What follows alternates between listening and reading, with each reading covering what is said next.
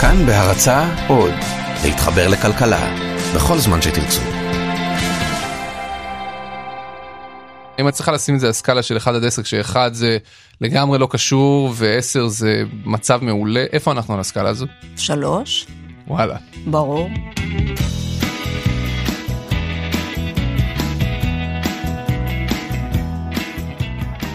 שלום, אתם על חיות כיס, הפודקאסט של כאן כלכלי. אני שאול אמסטרדמסקי, ומי ששמעתם לפני רגע היא דורית סלינגר. אני דורית סלינגר, ואני ממונה על שוק ההון, ביטוח וחיסכון. אבל שנייה לפני שנסביר מי זו דורית סלינגר ומה היא עושה בדיוק, אני רוצה לשאול אתכם שאלה. איך מפקידים לכם כסף לפנסיה? אני לא מתכוון מי גוף הפנסיה שלכם, או איזה סוג של פנסיה יש לכם, ממש פיזית. איך הכסף עובר מהחשבון של המעסיק שלכם לחשבון הפנסיה שלכם? אם אתם חושבים שבסוף החודש מישהו מקליד ספרות למחשב, כמו בנניח העברה בנקאית של המשכורת שלכם, אז אתם... טוב, אתם צודקים, אבל זה עניין ממש חדש. אבל ממש חדש, מהשנה. הדברים הועברו בניירות או בקבצים כאלה ואחרים. Mm-hmm, ניירות או קבצים. מילולית. מעסיקים היו שולחים את הפנסיה של העובדים שלהם בדואר, במעטפות, בצ'קים. נסו לדמיין את הסצנה הזו בחברת ביטוח גדולה שאיזה עובד חוזר ככה מהדואר עם חבילות אדירות של מעטפות מלאות בצ'קים ואז סוללות של עובדים צריכים להתאים את הצ'קים האלה לשמות של החוסכים ולוודא שכל הכסף הועבר והכל וללכת להפקיד את כל הצ'קים האלה. זה נשמע לכם סביר? תארו לעצמכם שהמשכורת שלכם הייתה מטיילת באופן דומה כל חודש של הבנק שלכם. פחד אלוהים, לא? אז ככה בדיוק, ככה בדיוק זה היה עד שסלינגר נכנסה לתמונה. אנחנו עושים פרויקט ענק בעיניי, גם בעיני התעשייה. פה יש uh, תמימות דעים. זה סטנדרטיזציה של איך מפקידים. קודם כל אתה מפקיד בצורה ממוכנת, לא בניירות. אתה לא שולח פקסים, אתה לא שולח ניירות. היא החליטה לפתור את הבעיה הזו ולהביא את הקדמה הטכנולוגית בכוח לעולם הפנסיה. מעכשיו, המידע והכסף אמורים לעבור בצורה דיגיטלית, ולא פחות חשוב, בצורה אחידה וזהה לכל גופי הפנסיה. למה זה פרויקט ענק? כי זה לקחת הרבה מאוד מעסיקים שעכשיו משנים את צורת הדיווח שלהם בצורה מלאה. החברות צריכות להיערך כדי לקלוט את הממשק הזה, ולכן היו לזה חבלי קליטה, יש לזה עדיין חבלי קליטה, אבל הרבה הרבה פחותים. ובאמת יש הרבה בעיות. הכסף לא ממש הולך לאיבוד, בינתיים לפחות, אבל הוא גם לא מגיע חלק, לא כולו. יש מיליארדים של שקלים מכספי הפנסיה שלכם שחונים בחשבונות מעבר כאלה אצל גופי הפנסיה, עד שהם יצליחו לאתר בדיוק איזה שקל מתאים לאיזה חוסך. אבל הבעיות האלה הולכות ומתמעטות, אומרת סלינגר. וחוץ מזה, היא אומרת, היינו חייבים להתחיל בידיעה שיהיו תקלות, כי עדיף שיהיה מוצר לא מושלם על פני זה שלא היינו עושים את זה בכלל.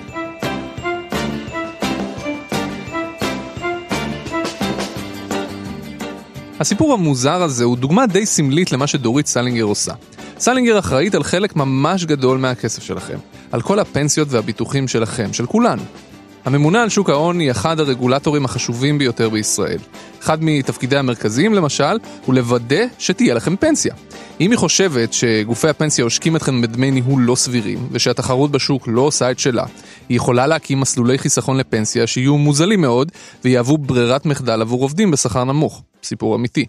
ואם היא חושבת למשל שביטוחי הבריאות שמוכרים לכם לא נותנים מספיק ערך ביחס לכמה שאתם משלמים, היא יכולה לשנות אותם לחלוטין, כמעט לכתוב אותם בעצמה, ולהשפיע לגמרי על האופן שבו אתם צורכים שירותי בריאות פרטיים. גם זה סיפור אמיתי.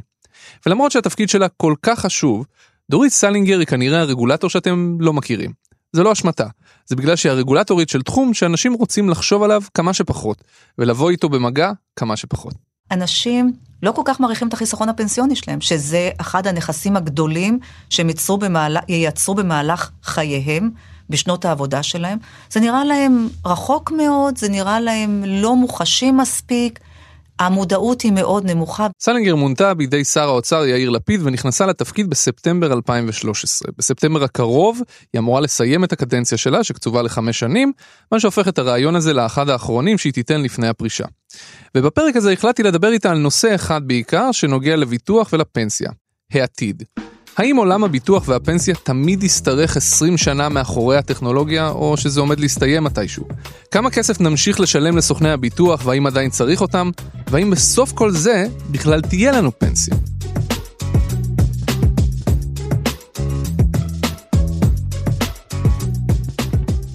למרות שהשנה היא 2018, לקנות ביטוח זה עדיין חתיכת תיק.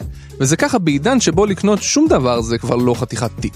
אנחנו חיים בעידן שבו אפשר להיכנס לסופר ולצאת בלי לעבור בקופה, אבל כדי לקנות ביטוח צריך להדפיס טפסים ולחתום עליהם ולשלוח אותם במייל, או אתם יודעים. למה אפשר לקנות היום הכל באינטרנט בשלושה קליקים? הכל, אבל ביטוח רכב לא.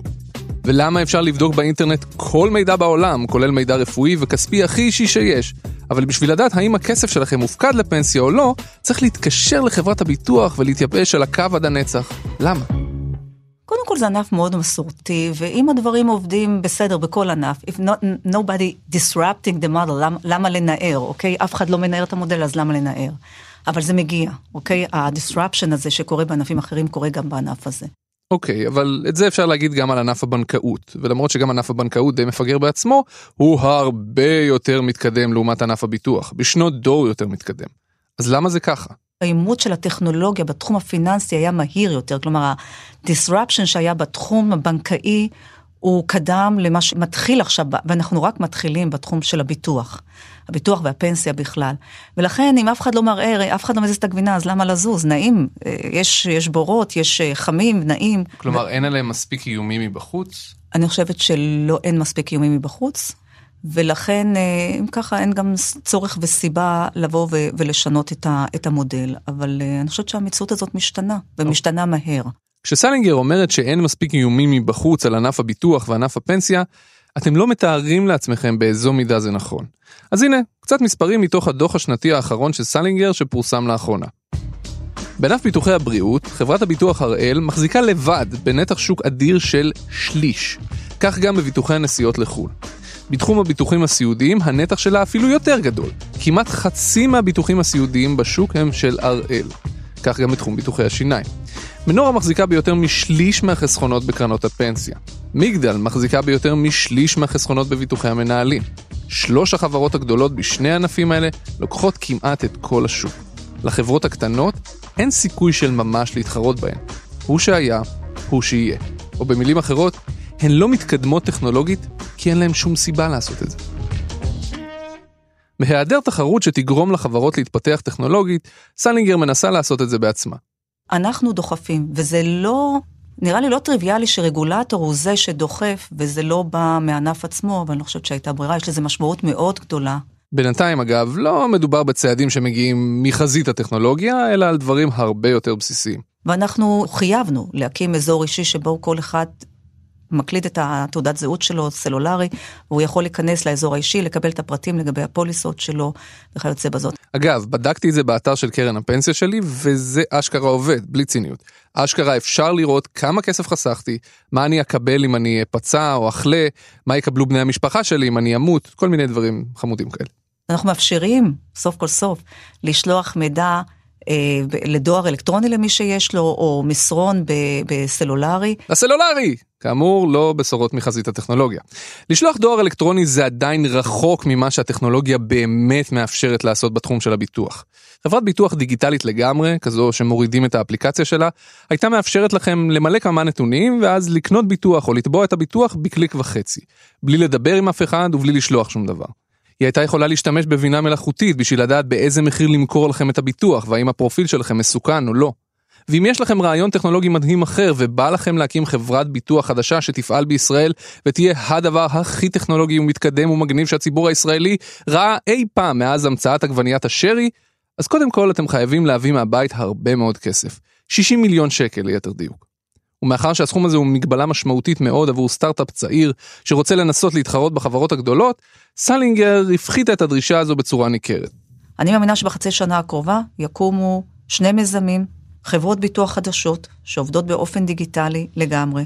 לצורך זה הפחתנו בין היתר את דרישות ההון כדי להכניס חברות לתחום. שני המיזמים האלה כבר קיימים בשטח. מדובר בשני סטארט-אפים חדשים בתחום הביטוח, שאת שניהם מובילים אנשים בכירים שפרשו מחברות הביטוח הישראליות הגדולות בשנים האחרונות. סלינגר מאמינה שהפחתת הדרישות תאפשר לשתיהן להתחיל לפעול כבר השנה ולנער קצת את השוק השמרני הזה. באופק ישנה קבוצה עסקית נוספת, גם היא מבוססת על בכירים לשעבר בתעשייה. כל החברות החדשות אמורות למכור לכם ביטוחים בצורה דיגיטלית לחלוטין, סלולרית לחלוטין. האם מפת הביטוח תשתנה? אני לא בטוחה, אבל עדיין אני כן מאמינה ברעשים שמגבירים תחרות. כל הסיפור הזה של טכנולוגיה וביטוח הוא לא רק עניין של נוחות, זה אחד מהדברים שיעזרו לכם לשלם פחות. כי היום, בלי טכנולוגיה, התוצאה היא שחברות הביטוח עדיין מסתמכות על סוכני הביטוח בשביל למכור את המוצרים שלהן. ראיתם לאחרונה פרסומת לקרן פנסיה בטלוויזיה או ברשת שקראה לכם להצטרף אליה? כי אני לא. סטארט-אפים יכולים לנער את כל השוק, גם את סוכני הביטוח.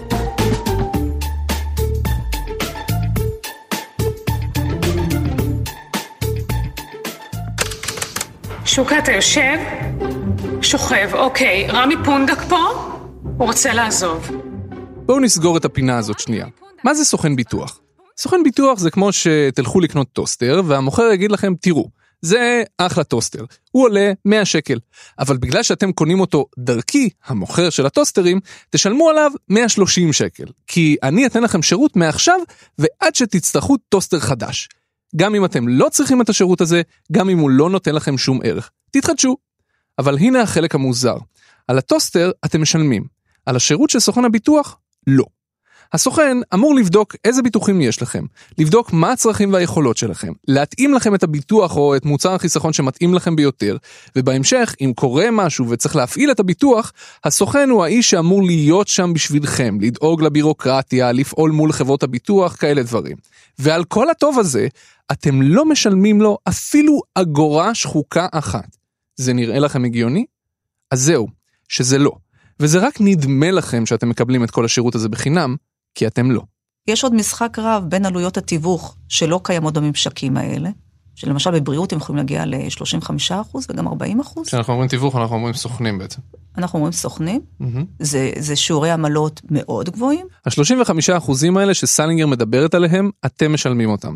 ואפילו אם זה לא 35% אלא 25% או 20%.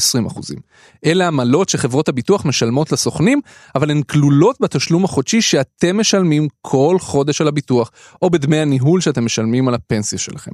מרגע שפגשתם סוכן ביטוח, אפילו אם המגע שלכם איתו יסתכם בחמש דקות, היי, hey, אפילו אם לא פגשתם אותו מעולם, הוא מקבל כסף מתוך מה שאתם משלמים לחברת הביטוח כל חודש, מפה ועד הנצח. חברות הביטוח שילמו לסוכני הביטוח בשנת 2016 עמלות בהיקף של יותר מ-8 מיליארד שקלים.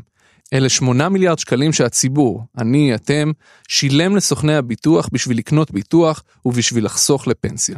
אני חושבת שחשוב שיהיה, כל שיהיה, חייב להיות מנוגד אינטרסים, שהוא עובד רק עבור המבוטח ורואה את טובתו שלו בלבד. המודל היום הוא מודל שהוא בעייתי. מצד אחד, המתווך, הסוכן, צריך לדאוג לטובת, המב... הוא אמון על טובת המבוטח, מצד השני הוא שלוחו של המוסדי, של היצרן. Mm-hmm. איפה הנאמנות שלו קיימת? אופן התמריצים שלו, יש שם ניגוד עניינים מובנה. בישראל פועלים כיום יותר מ-13 אלף סוכני ביטוח. ואם אתם חושבים שסלינגר הולכת לשנות את המודל ולשלוח 13 אלף סוכני ביטוח הביתה מחר בבוקר, אז לא. חמש, עשר שנים מהיום, הסוכנים עדיין איתנו? במתכונת הנוכחית? יועצים איתנו. הניואנס הזה בתשובה שלה הוא חשוב. יועצים ולא סוכנים. סלינגר מתכוונת להפוך את העמלות שלהם לזהות, בשביל להפוך את הסוכנים לאדישים מחברת הביטוח שמשלמת להם. אבל היא רוצה לעשות יותר מזה. היא הייתה רוצה ללכת עד הסוף. לאסור על סוכני הביטוח לקבל את התשלום מחברות הביטוח, כך שיגבו את התשלום רק מהלקוחות, רק מאיתנו, באופן ישיר ושקוף.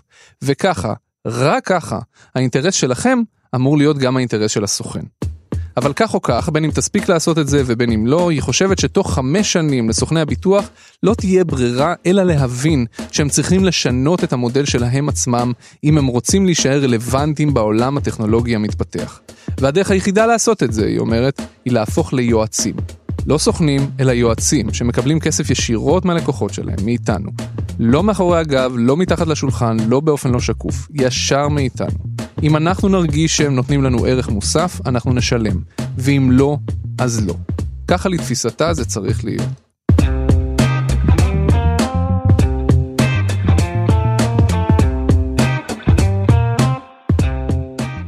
עד עכשיו דיברנו על ביטוח ועל טכנולוגיה ועל סוכנים, אבל בתכלס כולנו יודעים שמה שבאמת מעניין אתכם לשמוע עליו זה האם תהיה לכם פנסיה או לא. אז הנה זה בא, תתכוננו חזק, כי תכף אנחנו הולכים לדבר על מקדמים. באופן אישי אני חסיד של קרנות פנסיה. אני חושב שמבין כל האפשרויות לחסוך לגיל הפרישה, כלומר קרן פנסיה או ביטוח מנהלים או קופת גמל, קרן פנסיה היא המוצר שמתאים לרוב המוחלט של האוכלוסייה. אני אישית חוסך בקרן פנסיה. בכל פעם שאני מדבר נגד ביטוחי מנהלים, אני חוטף מיד מקלחת קרה מסוכני ביטוח שטוענים שאני שרלטן.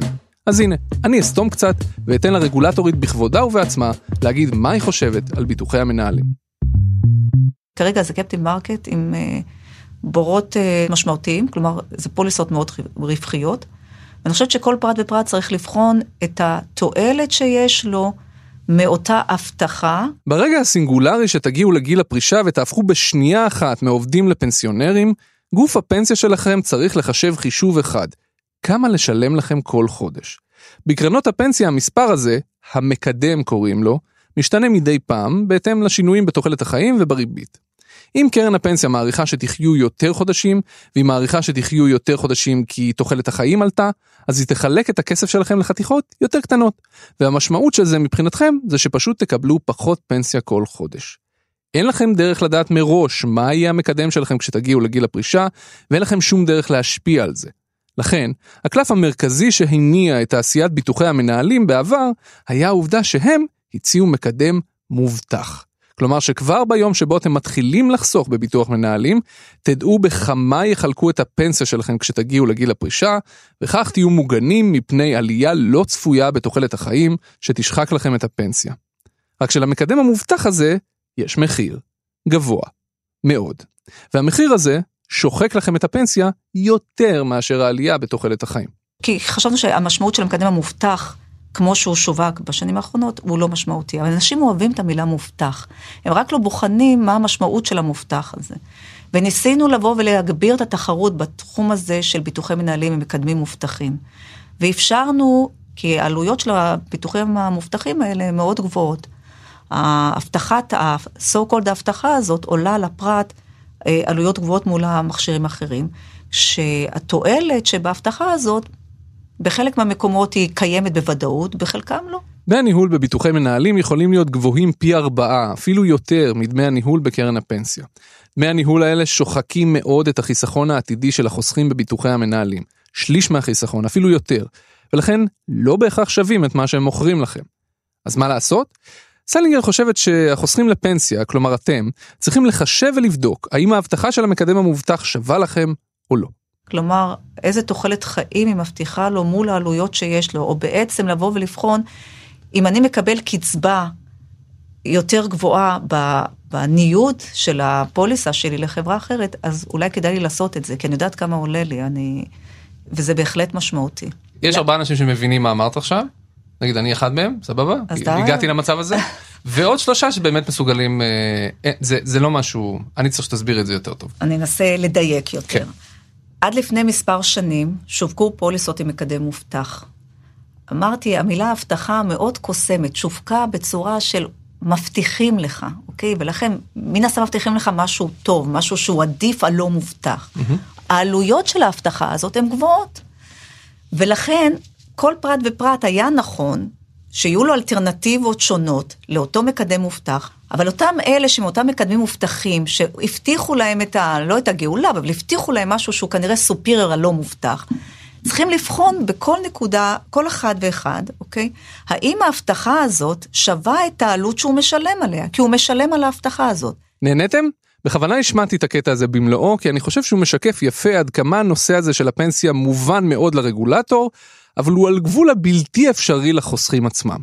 בשביל לחשב מה משתלם לכם יותר, ביטוח המנהלים שלכם עם המקדם המובטח או חיסכון בקרן פנסיה, אתם צריכים להשקיע בזה הרבה מאוד משאבי זמן ותעצומות נפש. הנה השלבים שאתם צריכים לעבור, תחזיקו חזק. אתם צריכים לאתר את פוליסת ביטוח המנהלים שלכם או את הדיווח השנתי. אתם צריכים לאתר שם מה המקדם שלכם. 200, 220, משהו אחר? יופי. אחר כך אתם צריכים להבין מה דמי הניהול שאתם משלמים, ולהבין כמה הם מאוד לא טריוויאלי. בשביל להבין מה תהיה הפנסיה החודשית ותמצאו שם את לוחות התמותה, או כן, לוחות תמותה.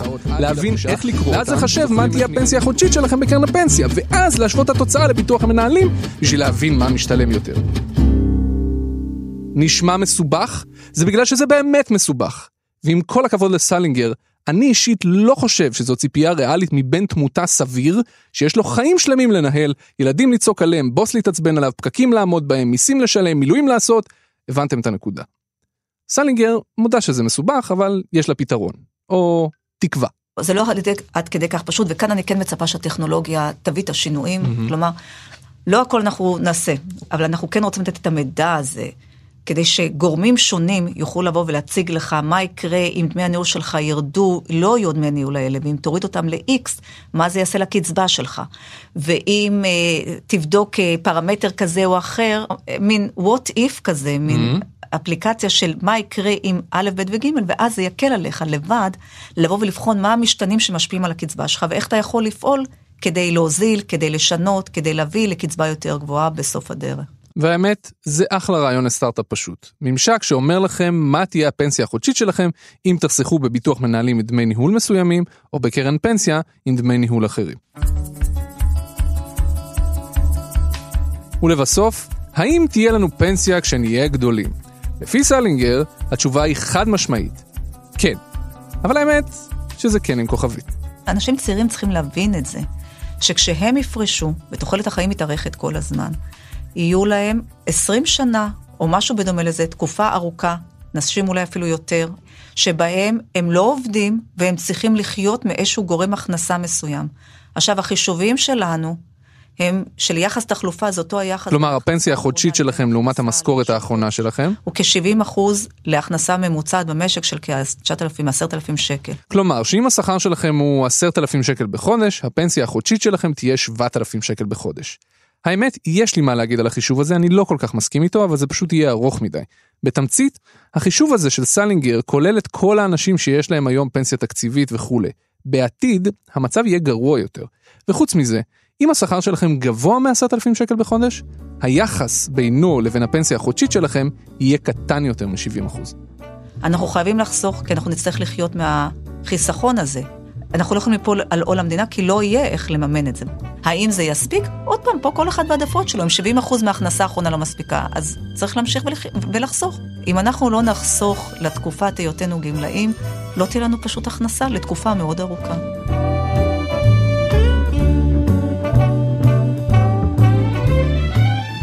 אם יש לכם שאלות על פנסיה, אתם מוזמנים להאזין לפרק הפנסיה הגדול שלנו שהעלינו להעביר לפני כמה חודשים. הפרק ההוא ויתר הפרקים של חיות כיס זמינים כולם באתר כאן או באפליקציות הפודקאסטים השונות. עשו מנוי ולכו לפרקים שלא יצא לכם לשמוע. זה כדאי. ואם זה לא השביע את תיאבון הפנסיה שאינו יודע שובע שלכם, אתם מוזמנים לכתוב לי בטוויטר. ואפילו יותר טוב, אם בא לכם לשאול או לריב על מה יותר טוב, פנסיה או ביטוח מנהלים, חפשו חיות כיס בפייסבוק והצטרפו לקבוצה המגניבה שלנו. תודה רבה לרומטיק וצליל אברהם שערכו, תודה לאסף רפפורט שהיה על הסאונד, תודה לדורית סלינגר על ההשתתפות בפודקאסט, אני שאול אמסטרדמסקי, תודה רבה לכם שהאזנתם.